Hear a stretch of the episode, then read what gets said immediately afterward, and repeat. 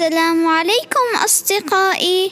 سأقرأ لكم اليوم قصة من سلسلة من أقاصيص الطبيعة الصادرة عن دار مدلفانت للنشر والقصة بعنوان ناسجة الحرير.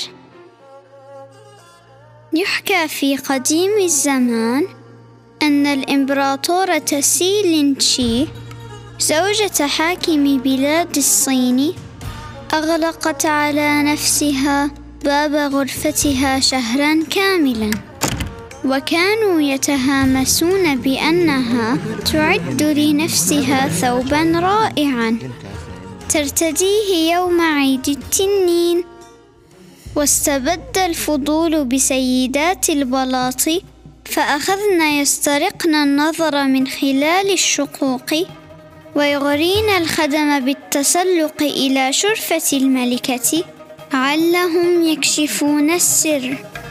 ولكن كل ذلك ذهب أدراج الرياح. فقد علقت الملكة على أبوابها ونوافذها ستائر كثيفة سوداء ولم تغادر غرفتها أبداً. واستبد القلق بالإمبراطور لأن زوجته لم تعد تسمح له بالدخول. فأرسل إلى كبير السحرة يستشيره في الأمر. وأقبل الساحر العجوز فتمتم بكثير من التعاويذ ثم أتى بحوض من الماء فألقى فيه بمسحوق سحري عجيب ثم حملق في سحب الدخان الكثيفة التي تصاعدت منه وما لبث أن صاح بالملك. أيها الإمبراطور العظيم أبشر فإن زوجتك سوف تصنع الأعاجيب. فلما كان أقبلت الملكة فبهرت أنظار الناس لأنها كانت ترتدي أجمل وأروع ثوب في العالم. وحمل الملك الثوب فألفاه خفيفا خفة الغيوم. فجثى على قدميه وقال لزوجته لقد أفلحت في نفج أشعة الشمس. قالت الإمبراطورة لم أنسج أشعة الشمس بل نسجت تلك الخيوط الناعمة التي تنتجها اليساريع الثمينة التي تعيش على أوراق شجرة التوت وقد أطلقت على هذا القماش اسم الحرير.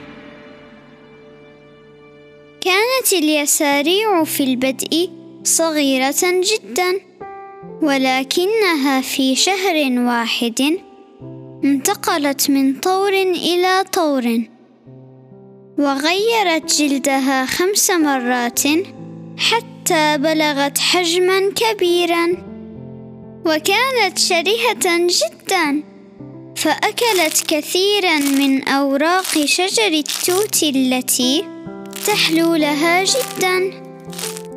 وهكذا نمت اليسروعة التي تدعى دودة القز. وبدأت تتحرك وتحرك رأسها يمنة ويسرة لتستطلع كل شيء. حتى إذا ما بدأت غدد الحرير فيها بالإفراز. بحثت عن مكان تأوي إليه وشرعت تنسج شرنقتها بهدوء وصمت. وأخذت دودة القز تنسج شرنقتها فتنفث من ثقب صغير خلقه الله في شفتها السفلى خيطا نحيفا جدا وطويلا جدا من الحرير. يقسو كلما لامس الهواء. ثم أخذت تلف الخيط من حولها فتصنع علبة متينة تحيط بها. من خيط واحد طوله ألف متر أو يزيد. وشد الناس الرحال إلى الصين. ليستجلوا سر هذه المعجزة العجيبة. ولكنهم رجعوا بخفي حنين. واضطر قدماء الإغريق والرومان أن يبعثوا تجارهم ليشتروا الحرير من الشرق البعيد. أما أن يكشفوا سره فما كان ينبغي لهم وما يستطيعون. وذات مرة أصر رجلان على أن يكشفا هذا السر. فاتخذا عصا يتوكئان عليها وكان لهما فيها مآرب أخرى. فقد جوفاها وأفرغاها من داخلها ثم تخفيا واختبأا. وأخذا يسترقان النظر إلى ديدان القز وهي تنسج شرانقها. ثم اختطفا بعض الشرانق والبيوض والتقطا كثيرا من بذور شجرة التوت وأخفيا ذلك كله في عصاهما. وبعد فما بالنا تركنا صاحبتنا اليسروعة الحسناء لقد خرجت من شرنقتها ضاحكة مستبشرة ولكنها لم تعد تشبه اليسروعة التي عرفناها في شيء فقد استحالت الآن إلى فراشة ولكن أية فراشة هذه؟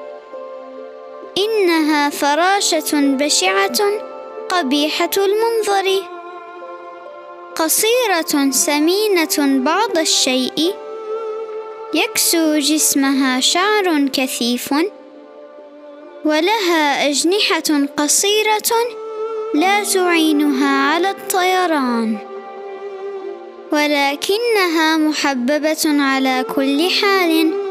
أليس كذلك؟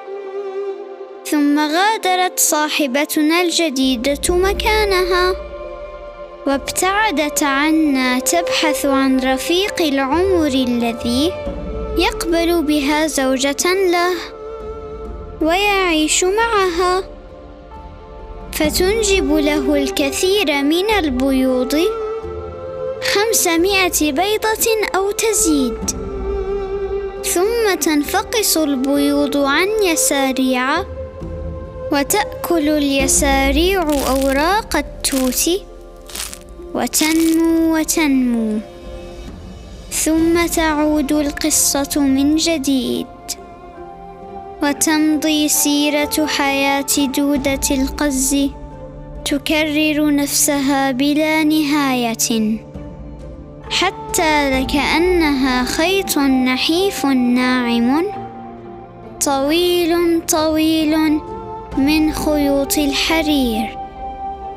ومثلما كانت فراشة دودة القز كذلك سائر الفراشات كن يساريع فما اليساريع إلا يرقات هذه الحشرات التي تدعى حرشفيات الأجنحة لأن على أجنحتها حراشف كحراشف السمك. ولكنها عاجزة أن تصنع شرانق ثمينة. وكلها تحتاج إلى الرقاد بعض الوقت.